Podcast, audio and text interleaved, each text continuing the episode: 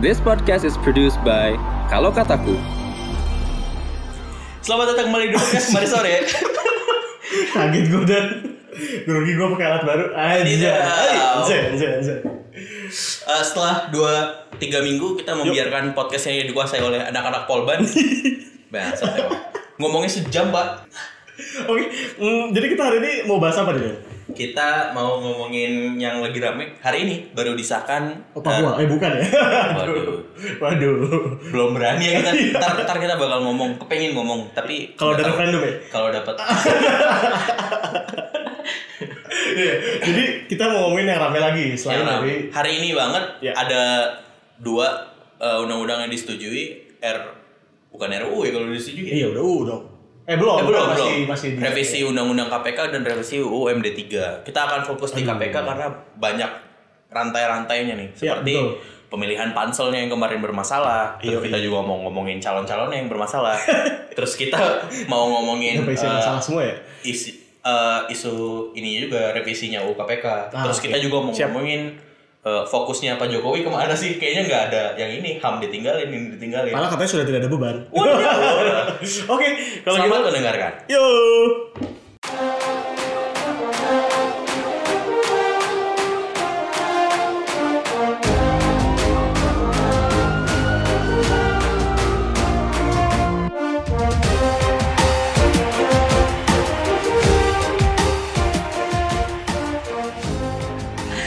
Jadi kita mau mulai dari mana gue?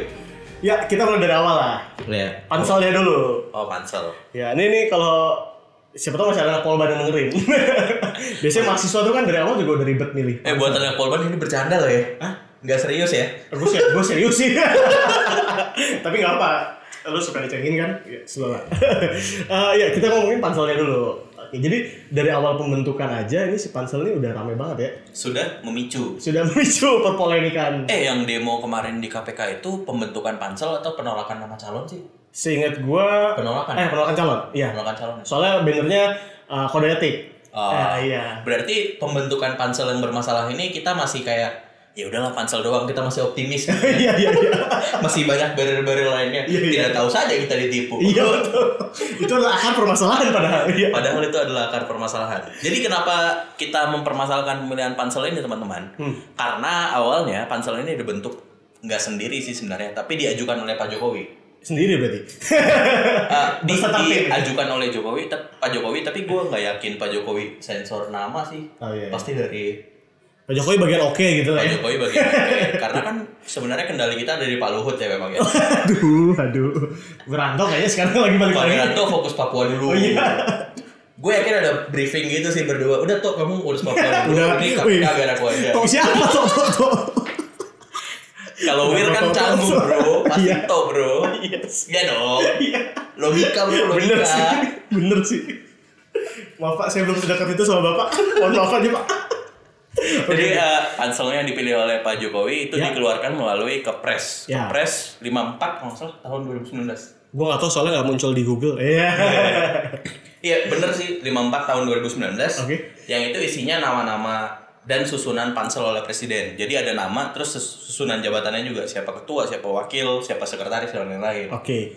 Nah si kepres ini juga sempat sebenarnya menimbulkan percikan sih meskipun nggak serame penolakan nama Ini nih per percikannya tuh di kalangan aktivis. di kalangan Iya. yang benar-benar peduli. Peduli ya, betul. Belum ada tuh Lina ZQ belum ada. Iya, iya. Belum muncul ya? Belum muncul Lina belum ZQ. muncul. Siapa lagi? Dan di Laksono belum ada, belum ada. Dari Laksono lagi fokus Papua juga. Terus Papua di Iya. Laksono. Anti negara, anti negara. Eh, yang ngomongin jadi sebenarnya dimulai dari LBH Jakarta ngajuin surat ke Sekretariat Negara Oh, oke. minta agar eh, kepres ini salinannya dibuka atau mereka minta deh satu salinannya antar mereka yang sebarluaskan. Ah, sih. Tapi setelah reaching out dua atau tiga kali dan responnya adalah mohon ditunggu Ditunggu. setelah Yang tiga minggu tuh. kalau nggak salah dua atau tiga minggu gitu baru dikirimin surat dari seknek Terus ditolak. Ditolak PHP banget ya sestek ya. dengan alasan kalau mereka itu tidak masuk nama dari daftar tujuan kan kalau ada bikin surat di bawahnya tuh ada Oh iya iya. apa sih CC ya? Iya boleh lah. Ya, di email, email CC ya. email CC ke siapa gitu Iyalah siapa yang BHJ? pertanyaan gue tapi sebelum lanjut sana, eh, itu kalau yang nyebar nyebarin PDF undang-undang di Google tuh jadi siapa sih sebenarnya? Wah nggak tahu. Ber- Berarti Oh, bukan tapi itu ada di ada di kalau ini kan diupload di JDIH kan. Oh iya ya di upload ke sana. Sebenarnya diupload tapi lama gitu. Ah. Kalau nggak salah diupload tapi setelah si panselnya ini jalan. atau udah kepilih ketua KPK baru di upload. Emang Makanya diprotes sama teman-teman LBHJ. Nah. Tapi eh, Pak Pratikno-nya langsung membantah karena sebenarnya kita udah ngerilis nama kan, Hmm. kata Pak Pratikno. Oke. Jadi ya isinya kan nama-nama dan jabatan itu. Kalian ngapain tahu ke presnya kalau nama-nama dan jabatannya sudah ada di luar tersebar di media. Oh, I see. Ini tuh mirip sama aduh kasus apa sih kemarin yang kayak gitu juga. Oh ini pas pemblokiran Ah, 22 Mei ya iya, sih? iya, iya. Maksud gue mereka nggak suka pakai birokrasi legal formal, Iya. sukanya pakai detik.com. Ya kan detik.com udah bilang diblokir ya. Iya. Kenapa kita harus bikin Itu dia. ke presiden? betul betul betul. Aduh. Jadi itu muncul polemiknya dan katanya sebenarnya nama-nama yang diajukan juga bermasalah kan. Makanya LBHJ mungkin perlu Pengen dokumen resmi Lihat. penetapan Ya, ya, supaya kalau mau ngajuin ini namanya bermasalah nih gitu. Iya. Tidak mungkin dong seperti saksi sidang MK kemarin membuat clipping detik.com. Itu dia. Tidak membuat mungkin. Clipping blogspot. Iya betul. Tolong diapresiasi ya. Ini LBHJ loh. gitu. LBHJ. Bukan tim ahli nomor 02. Yang pimpinannya mantan ketua KPK. Aduh, nyambung. Aduh. Eh, Oke oke, tapi terus kalau masa tadi kan lu sempat nyinggung si panselnya eh, ada indikasi masalah juga. Emang Iya. kalau ada panselnya kenapa sih? Karena kan pansel itu eh, kerjanya yang nyaring. Jadi ada Ya. aplikasi dari orang yang se- seribu skalanya berapa ratusan, Ah, gua ya, lupa. Terus mereka saring jadi 40, mereka Oke. saring jadi 20, Oke. mereka saring jadi 10, Oke. terus dibalikin lagi ke presiden. Oke. Jadi ini kerjanya TikTok gitu, boy. Oke, em, ya. Presiden pansel, presiden pansel. Sekalinya pansel yang Oh, disahkan, sorry, berarti sorry. kita udah nggak punya intervensi lagi. Oh, isi. Eh, itu TikTok per itu TikTok ya? Gue pikir Uh, begitu per 10 doang. 10. Oh, per 10 ya. Tapi kan kita nggak ada di proses 40 ke 20 dan 20 Ya. ke 10 kan. Ya, ya, ya. Makanya ketika presiden sudah ngebentuk badan, Hmm? ya kita harus kejar nih badan siapa gitu. Ya. Kalau kita ngebiarin badannya, dia kalau badannya nggak beres dia TikTok sama presiden, Ya. ya, apa yang bisa kita harapkan? gitu. Yes, betul. Dan sebenarnya kemarin harapannya juga sempat di ya mudah-mudahan Pak Jokowi bisa nolak. Ah, Tapi sayangnya tidak. oh itu nanti kita bahas. Oh iya, siap. Tapi panselnya ini kan katanya bermasalah juga ya sembilan Ya. orang itu ya. Ada 9 iya iya. Masalahnya tuh di mana sih? Iya. Kalau yang didapat, yang pertama eh, ada kritik nih. Kritiknya satu adalah ini terlalu banyak orang akademisnya. Akademis, Jadi akademisi. Akademisi pemberantasan korupsi gitu. Apa sih? Iya, yang eh, macam-macam. Yang ketuanya tuh kan dia sal- sal- eh, dok salah satu doktor pertama Hmm. yang eh, bidang studinya adalah tindak pidana pencucian uang. Wadidaw. Nice, UI. nice. Ah, itu itu dan sampai sekarang emang di bidang akademis. Hmm. Terus kayak kayak dari 9 tuh ada dua yang ketua LSM, sisanya akademis Hmm. kayak gitu. Nah, cuman uh, dari sana dikritik kayak misal kayak ini kenapa terlalu akademis banget sih? Ah, kita butuh praktisi. Kita butuh yang lebih ya praktisi, kita butuh yang lebih praktikal. Praktisi yang kayak gimana? Erick Thohir praktisi. Erick Thohir itu praktisi. Praktisi. Sandiaga Uno praktisi. Tapi bukan di bidang Ah, ini bidang eh, uh, tindak pidana korupsi, tipikor, tipikor. seperti TII lah ya, Transparansi Internasional. Ya, itu bisa. Terus ada ICW Ya, itu juga bisa. atau apa lagi sih yang ada? Apalagi ya? ICW terus TII. Ya silakan lengkapi di bawah ini. Ya. Disambung kita taunya cuma dua. Iya, iya kan? itu itu salah satu kritikannya. Tapi gak tau, menurut lu gimana kritikan itu? Eh, eh tadi yang mana sih? Isinya tuh cuma akademisi doang atau ada yang lain? Ya, akademisi, ketua LSM, Sama? sama ada satu yang dulu mantan lupa lagi. Lembaganya apa? Dulunya di KPK juga. Oh, Iya, dulunya dulunya di KPK juga. Aduh. Ada ibu-ibu yang gue sering banget liat mukanya tuh di mana-mana. itu ketuanya. Iya, Jangan-jangan itu kali ya? Apa? Yang lo bilang Yang tadi tindak pidana pencucian uang. Itu dia betul. Oh, iya. iya itu dia. Dokter termuda. Eh, oh ini sorry Indrianto Senalaji. Ah, dia tuh eh, sempet eh, pelaksana tugas pada tahun 2015 pas eh, Bibit Samad, Bibit Chandra sama Bibit Chandra. Samad, iya, eh oh iya Bibit Samad, Bibit Chandra terkena kasus. Ya kayak gitu. Terus kayak ya udah sisanya akademisi. kenapa? Menurut gue kenapa? Kritik itu menurut lu gimana? Kayak ya udah kan tadi dibilang ah, ah, terlalu akademis nih. Nanti ada konflik of interest ya. Iya. Ini kan pembentukan, maksudnya ini kepanitiaan kan? Iya. Akademisi itu dulu ngurus wisudaan juga kok gue. mereka ngerti lah kalau kepanitiaan. Harusnya bisa ya. Ada yang danus mereka, Iya, iya, ada yang seksi acara ngerti mereka kalau bikin ini. Gak, Bikin gak perlu praktisi. gitu ya. Iya. Iya, iya, iya. Apalagi kan sebenarnya mereka nggak kerja intens. Maksudnya mereka inti dari tim tapi mereka punya staff kan. Iya. Ya, jadi menurut gue tidak masalah kalau hanya akademisi dan praktisi. Oh iya. Bedanya kalau akademisinya punya latar belakang, Iya. itu beda lagi. Itu beda tuh. lagi. Karena kan akademisi kita seperti yang anda tahu kan. Iya betul. Itu yang sangat menyedihkan ya sih menurut maksud gua harusnya akademis itu menjadi orang yang paling objektif gak sih? Objektif itu ibu cuci uang, yakin gue. Iya. Nah, kan tadi kita lagi ngomongin pansel tuh. Eh, kita perlu pindah ke yang lebih rame ini. Iya. Kita ngomongin nama-nama. Eh, apa sih produk pansel? Jadi bagaimana produk-produk yang dihasilkan oleh Ibu Sarjana Profesor termuda pencucian uang ini? Iya. Mantap atau tidak? Ah, dia ada ini 10 besar kan ya? Oh, kita ngomongin Oh, dari boleh dari belakang. dari ya, 40 deh. Eh dari 20, 20 deh. deh, Iya. 20, oke. Jadi dari 20 katanya ada 3. Begitu 20 sayangnya. Jadi kayak kan sebelumnya kayak aduh ini panselnya kayaknya error nih jadinya hasilnya error. Terus kayak masih ada sekelompok orang yang tenang lah bisa jadi hasilnya baik. Eh, Wah. muncullah 20 ternyata dari 20 nggak baik-baik banget. iya betul sekali. Dari 20 ada tiga yang namanya nyangkut. Ah, dalam artian uh, perlu tanda tanya enggak juga sih malah malah di uh, salah satu dari tiga itu malah disebut kayak ini nggak bisa dia lolos Oh, lagi Kayak kode gitu. merah. kode merah ini kenapa dia dia lolos udah kena kode etik kenapa masih lolos Ah. gitu. ada siapa aja sih tiga orang ini nah, jadi tiga orang ini berhubung tadi kata Dani akademisi itu uh, objektif ya kecuali ada latar belakangnya Iya. yang ini jadi gue baca latar belakangnya nah jadi di di 20 besar tuh ada tiga nama yang uh, bermasalah yaitu yang satu adalah Irjen Antam November Hmm. Nah, Masalahnya apa? masalahnya Gue kayak nanya, masalah lu apa? anda nggak tahu dia polisi Oh dia polisi. Oh masalahnya polisi. kan Irjen masalahnya polisi Oh, dari polisi aja udah masalah ya ya polisi aja salah. Iya, iya. Jadi dia tuh sempat kena dugaan tentang ancaman ke Direktur Penindakan KPK. Jadi kan di dalam KPK ada bagian-bagian lagi kan. Hmm. Nah, terus ada bagian direktur pen- ada orang yang jabatannya adalah direktur penindakan. Hmm. Nah, dia sempat diduga melakukan ancaman terhadap si direktur penindakan KPK itu. Oh, Kayak gitu. Kode etik juga sih sebenarnya Mas. Eh enggak sih itu malah udah ini yang pidana. kode merah ini. Bukan, yang kode merah yang satu lagi. Oh kalau ngancam ini aja belum kode merah. Iya. Kode merah seperti apa dong? Iya itu dia. Yang merah yang jadi direktur penindakannya. Oh tidak. Nggak, tapi itu beda beda ini, beda apa? Beda periode, beda periode. Jadi yang kedua ini dari polisi lagi. Nah, kalau ini masuk 10 besar nih. Hmm? Jadi namanya eh, Irjen Firly Bahuri. Oh ini yang ini ya barang Pak TGB ya? Iyo, iya benar sekali. Jadi Dia tuh ke gap apa ketahuan di belakang sih? setahu ah, bedanya apa kegawah gitu Nggak, masuk maksudnya kalau ke gap tuh kan eh, lo lagi ketemu nama Pak TGB terus disamperin. Oh, kayak wah gitu. kayak ya? OTT gitu. Oh iya iya Nah, iya. Dia tuh kayak gitu atau ketahuan dari Setahu gua ketahuan di belakang deh. ah Iya, so- soalnya kalau ke gap rame ya. Iya, rame. Ramenya lebih rame. Ya, jadi dia ini tadi dugaannya bertemu bertemu dengan terperiksa KPK.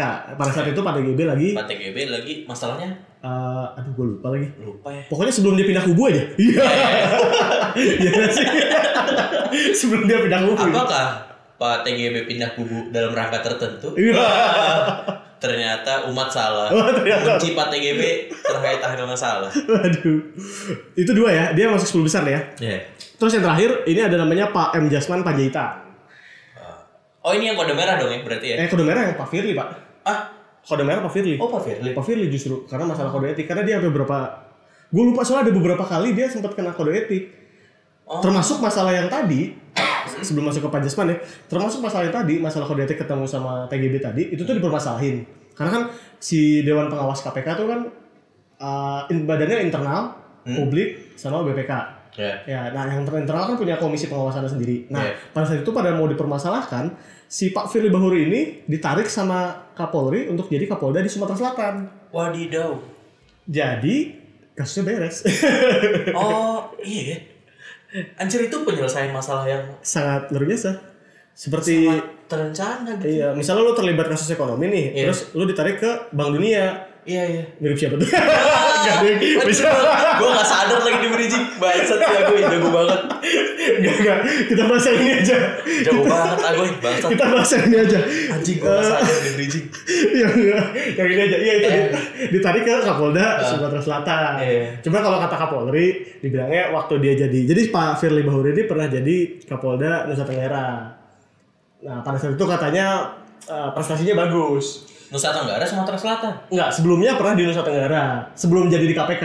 Oh. Nah, karena bagus itu dijadikan alasan untuk menarik dia pada saat dia sedang terlibat kasus. Ya, ya. Gitu. Jadi kode merah ini Pak Firly ya. Ya. Soalnya sampai 10 besar nih. Tolong di Oh iya, tolong diperhatikan kalau Iya, gitu ya. tolong diperhatikan. Emang yang dengerin kita siapanya KPK ya? Tiba-tiba muncul so- saudaranya siapa KPK Ada gitu. Alfredo namanya, tahu gua. Si- Siapa tuh? Siapa tuh? Yang ngikutin diklat gua kemarin. Dia dengerin. Apa lo promosiin? Dengerin. Tadinya mau gua ajakin tapi susah. Oh, susah iya, iya. Jangan lagi sibuk dia. Oke, terakhir lanjut ya. Si Pak Jasman ini, Hmm. Pak Jasman Panjaitan. Ya kalau ini, tapi dia nggak masuk 10 besar. Eh, dia eh, bagian dari kejaksaan. Terus eh, kasusnya menerima suap pembalakan hutan. Waduh. Menerima suap bukan kode merah. Sorry, dugaan, dugaan. Oh dugaan. Iya. Kayaknya, oh sorry, kayaknya nggak kena kode merah tuh gara-gara yang antam sama Pak Jasman tuh nggak masuk Ah, 10. I see. Iya, iya. Iya karena pada ya udah akhirnya keseleksi kan. Jadi setelah disaring dari 20 ke 10 yang sisa Pak Firly doang ya. Yo iya. yang bisa nggak bermasalah. Iya. Dan ini kenapa kita eh, mewaspadai karena nama-nama 10 ini sudah disetujui Pak Jokowi Itu dia yang sangat disayangkan. yang sangat disayangkan dan udah tinggal diajuin ke DPR ya, Iya, buat betul. fit and proper test. Betul betul. Kalau beres udah tinggal pemilihan. Iya Iya? Iya. Kan kepilih lima ya. Iya kepilih lima. Kepilih lima. Makanya tak ini kita ada di tangan DPR kita waduh Ada di tangan Krisdayanti. ada di tangan Cemang. ada ada kemarin yang diundang ke Q&A kocak-kocak banget Om Farhan doang yang beres Oh, Farhan tuh produk dari PKS. PKS Mantap. berdoalah agar DPR ada orang-orang seperti Ridwan Bahri kalau di film Gundala Waduh, kenapa? Ridwan Bahri. Ridwan Bahri itu yang membela rakyat Iya, iya, betul, betul, betul. Kayaknya masih ada sih. Apa Budiman bukan? Budiman- oh iya Pak Budiman masih ada ya eh, kan nggak kan nggak ada kepilih tapi. tapi kan periode ini Oh iya, masih ada masih bisa bisa ada. masih bisa masih bisa Iya, iya. Masih bela rakyat lah ya. Oke, eh, ya itu sapim KPK. Eh tapi sebentar, gue sebenarnya yang di kuat eh salah, yang didorong untuk jadi calon pimpinan selanjutnya tuh Laudem Syarif kan? Iya Dia kenapa sih nggak bisa itunya? Gue lupa. Nah, gue nggak tahu konflik-konflik gituan pak. Oh iya. Kayaknya agak. Ntar dikat aja lah ya. sip sip. Skip to the next. Nah, ya, eh, jadi itu capimnya bermasalah. Tapi kita Ya. coba nggak hanya di diancam dari Pansel dan Capim sih gue. ya. Karena baru hari ini itu disahkan revisi Undang-Undang Komisi Pemberantasan Korupsi. Wah, Jadi ada 6 poin yang direvisi. Ya. Kalau mau tahu buka Tirto, kita bukan oh, Tirto, Kita bukan Faris. kita bukan Faris. Kita bukan Faris. Jadi kalau mau tahu lengkapnya baca Tirto. Tapi poin yang disorotnya ada dua sih sebenarnya. Apa tuh? Yang pertama itu jadi selanjutnya pegawai-pegawai KPK ini akan jadi ASN, Wah. aparatur sipil negara. Sehingga ini ditakutkan akan membatasi ruang geraknya karena harus taat kepada kode Etik. etik, dan Eh lain-lain. kalem kalem. Berarti nanti di CPNS ada dong. Bisa daftar ya? Oh iya benar. Bisa berarti ya. Keren juga ya. Iya. Anda sebagai sarjana anti korupsi dan sarjana di klub Iya. bisa daftar. Oh iya, terus terus oh berarti dia ASN. ASN. Ya. Terus itu ya masih ya perdebatan lah tapi dianggap melemahkan. Yang Oke. kedua yang sebenarnya paling melemahkan adalah nanti kalau KPK mau nyadap eh, terduga nih, Hah? Mereka harus dapat izin dari dewan, dewan pengawas KPK. Oh, bentar, bentar. Kan tadinya Dewan Pengawas KPK-nya kayak tadi gue sebut kan dari internal kan. Berarti sekarang Iya. dibuat ya? Sekarang dibuat Dari eksternal. dari eksternal Wow. dan eh, jadi misalnya gue ngajuin, Hmm. pas saya mau ngawasin eh, Pak Budiman Ya. eh, mau disadap dalam satu kali 24 jam ada persetujuan itu Iya. Baru boleh dilakukan penyadapan Satu kali 24 jam tuh. ya satu kali 24 jam Udah kesebar itu. ya maksudnya kan jadi bingung kan Iya, iya, iya. ini Pak Budiman jangan-jangan udah tahu iya.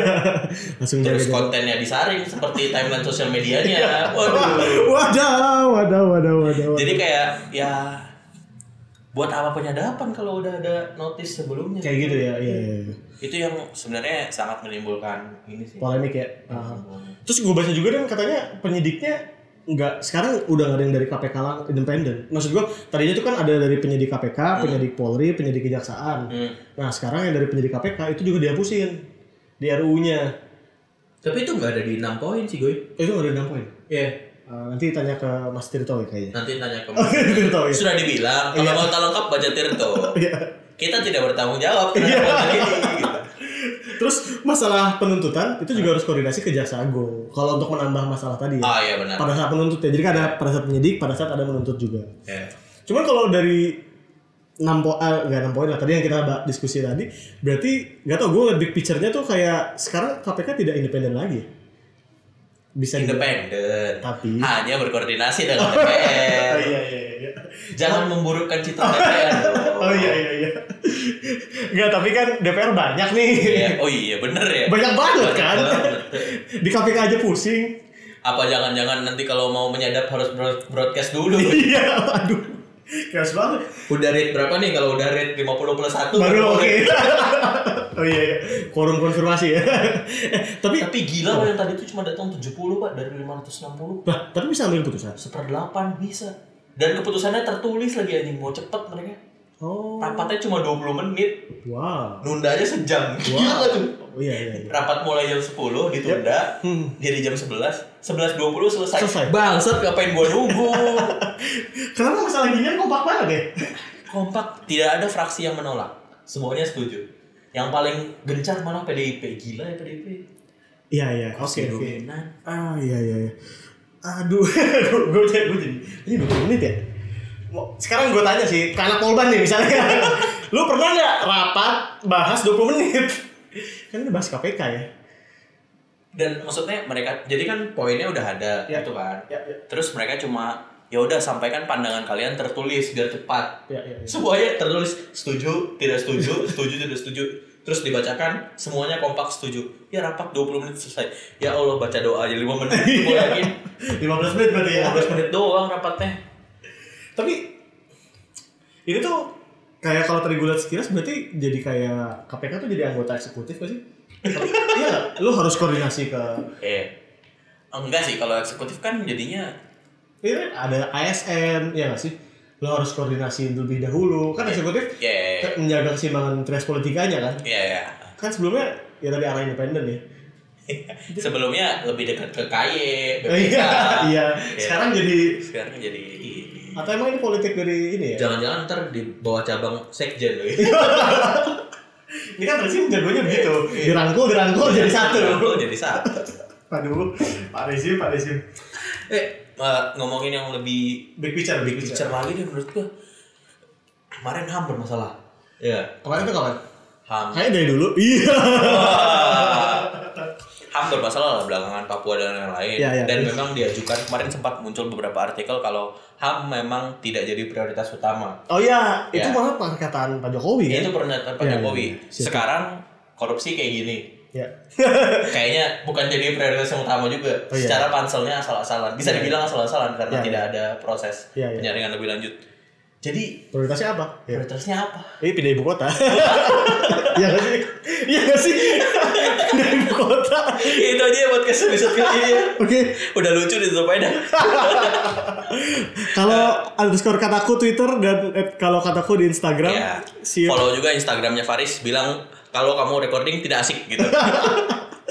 Oke, see you.